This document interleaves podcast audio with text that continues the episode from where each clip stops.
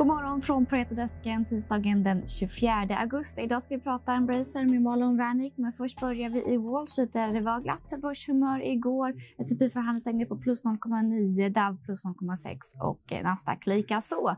Tech gick starkt igår och eh, Pfizers vaccin fick ett definitivt FDA-godkännande i USA igår, vilket lyfte börshumöret. Vi har ju sett en ökad oro för framförallt deltaviruset runt om i världen.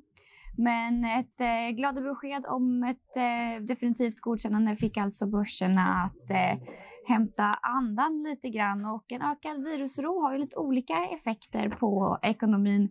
Dels en dämpad återhämtning om man är orolig för aktiviteten i ekonomin, vilket vi såg i tjänste-PMI, framförallt som vi fick igår i USA där vi såg en dipp. Men samtidigt så bidrar ju ökad virusoro och eh, dämpad återhämtning till att Fed kanske dröjer med sin tapering och räntehöjning. Så det finns lite olika effekter att ta hänsyn till här. I Sverige så såg vi en dipp i bostadspriserna för juli, vilket eh, var väntat. Säsongsrensat så sjönk priserna med 0,2 procent. Men tittar man på de två första veckorna i augusti så ser priserna ut att ha stigit igen. Som sagt, idag ska vi prata om Embracer med Malin Wernick. kom ju med rapport förra veckan. De har brutit räkenskapsår. Hur var rapporten? Precis, de kom in med sin Q1 då, förra veckan. Eh, rapporten i sig var solid. Mm. Kommer in i linje på, på revenue, eh, slår operationell ebit med ungefär 4 eh, Det som driver kvartalet är egentligen den gamla spelen, backkatalogen. Eh, även gamesegmentet kommer in starkare än, än väntat, vilket driver lönsamheten som är all time high i, i digital sales. Så, så överlag ett, eh, ett starkt kvartal. Växer också 10 organiskt, vilket är mm. starkt givet coronakompsen förra året. Då. Eh, också ut bland andra sektorkollegor. Eh, så solitt kvartal. Eh, ska väl också ha med sig att eh, guidningen för hela året på Färjestadens spel är bara 10% här i Q1. Så sett till Färjestadens spel så var det ett mindre viktigt kvartal. Mm. Men överlag fina siffror. Ja. Eh, du var inne på sektorkollegor och de har haft lite problem med marknadsföring efter Apples eh, implementering där. Hur ser det ut för Embracer på det ja? Precis, du tänker på, på IDFA Changes där mm. som kom i, i, eh, i våras. Eh, vi såg ju Stillfront hade ju lite, lite stökigt med det på marknadsföringen. Eh, intressant är att Easybrain, då, som är mobilsidan på Embracer, eh, presterar väldigt mycket bättre än väntat. Så de har sett mindre effekter än vad de trodde från början mm. eh, på det här. Um, vilket är en intressant datapunkt för Embracer. Så de, även här gör de bättre än, än sektorkollegorna. Mm, för det är mobilspelen som påverkas av ja, eh, precis. apparna? Sen är lite olika typer och kanske mashup och liksom hur, hur funkar i spelen och så. Mm. Så det skiljer också lite där. Men, men aggregerat så ser det bättre ut relativt sett där. Mm. Och det kommer ju inga stora förvärv nu i rapporten, men det var väl också väntat, eller hur? Det kom tre mindre förvärv. Eh, gav inte jättemycket data på, på, på dem. Eh, men givet att de adderar ungefär 10 på, på personalbasen så, så är det mindre. Eh, men de kom ju ett par åtta förvärv också för två veckor sedan. Mm. Eh, men de har ju fortsatt stort utrymme för förvärv. Eh, så, så vi räknar med fortsatt eh, aktiva på den fronten här under mm. resten av 2021. Hur mycket förvärvsmöjligheter har de nu? Hur mycket kassa har de? 17 miljarder. Eh, skulle de gå en 50% equity, 50 eh, cash kan de gå upp till 34 miljarder. Så, så eh, mer dialog än någonsin, eh, mer mm. aktiv än någonsin, både stort och smått. När tror du att det kommer ett förvärv? De kan inte hålla på den kassan hur länge som helst.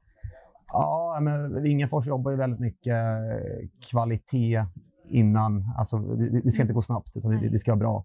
Och så har han jobbat hela, hela sin karriär. Så, så, eh, vilket jag tror, tror är bra. Investerarna är på honom och frågar när, när, när. Men uh, han vill snarare att det ska vara helt rätt än något annat. Så, så jag tror det är helt rätt. Men, men mm. som sagt, de har en stor kassa, haft den kassan ett, ett bra tag. Uh, så det kan väl komma någonting när som helst. Vi får se. Mm. Var det någonting som stack eh, ut på nedsidan i rapporten? Uh, det skulle kanske vara guidningen då. Uh, de guidar för Complete Games, alltså färdigställande spel, för, för, deras brutna räkenskapsår. Eh, de skiftar mer från Q2 in i Q3 och från Q3 in i Q4. Det eh, indikerar att det är lite spelförseningar.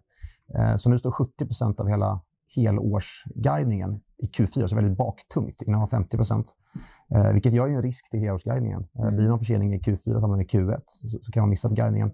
Men återigen, Wingefors jobbar kvalitet för ett annat och istället för att få ut tiden eller få ut spelen bara för att så, så färdigställer de kvaliteten och, och, när det är klart så, så, så kommer spelen ut. Eh, mm. Men det om något var väl på den negativa sidan i rapporten. Mm, och du eh, släppte en eh, rapport nu i fredags, eller en uppdaterad analys på Embracer. Du upprepar köp mm. och höjer kursen något. Så det här fortsätter alltså att vara ett, ett case som du gillar? Fortsatt väldigt starkt case. Vi fortsätter pusha det i, i, i gamingsektorn. Um, jag menar, man handlar på ev ebit 12, uh, historiskt låga multiplar.